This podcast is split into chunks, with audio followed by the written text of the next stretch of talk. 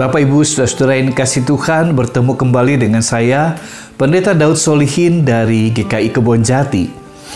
Renungan harian GKI Kebon Jati hari ini berjudul Sejahtera dalam Kuasanya.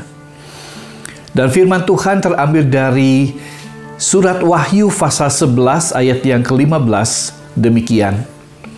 Lalu malaikat yang ketujuh meniup sangkakalanya dan terdengarlah suara-suara nyaring di dalam sorga katanya. Pemerintahan atas dunia dipegang oleh Tuhan kita dan dia yang diurapinya. Dan dia akan memerintah sebagai raja sampai selama-lamanya.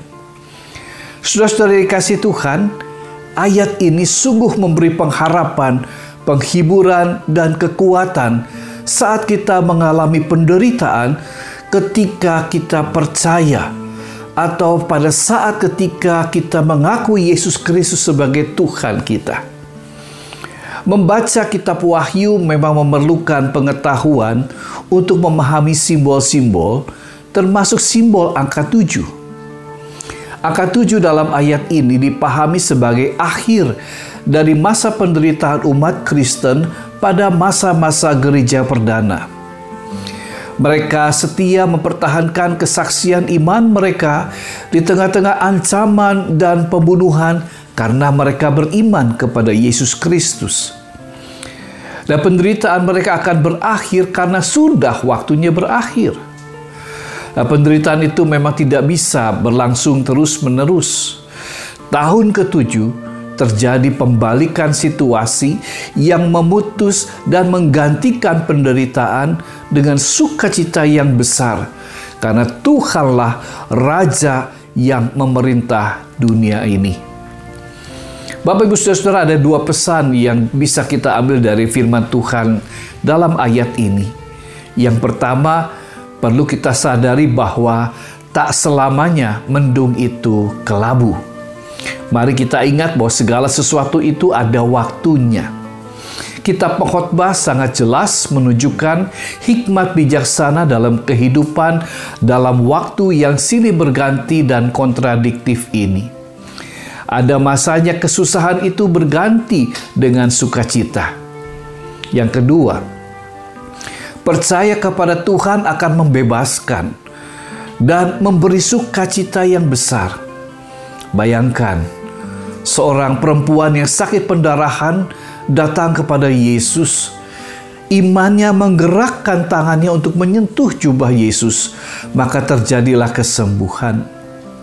Seorang lumpuh menantikan kesembuhan selama 38 tahun dan Yesus membuat dia bisa berjalan kembali. Tuhan memiliki kuasa yang membuat beban dosa dan penderitaan kita terangkat dan digantikan dengan kegembiraan yang besar. Mari kita renungkan.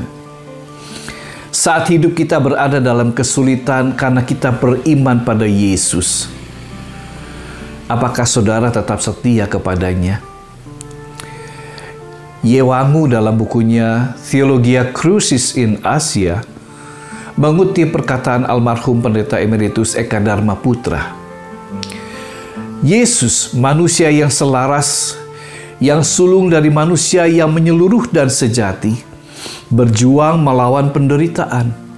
Ia melakukannya, demikian kata Eka, dengan menerjunkan dirinya, keseluruhan dirinya ke dasar penderitaan itu sendiri. Dengan melakukan hal itu, ia membuktikan apa arti solidaritas total yang sebenarnya yakni solidaritas dengan orang-orang yang menderita. Dan ia berhasil mengatasinya. Ia tidak menjadi korban. Keyakinan ini, kata Eka, memberikan kita pengharapan yang sebenarnya. Tuhan memberkati kita. Amin.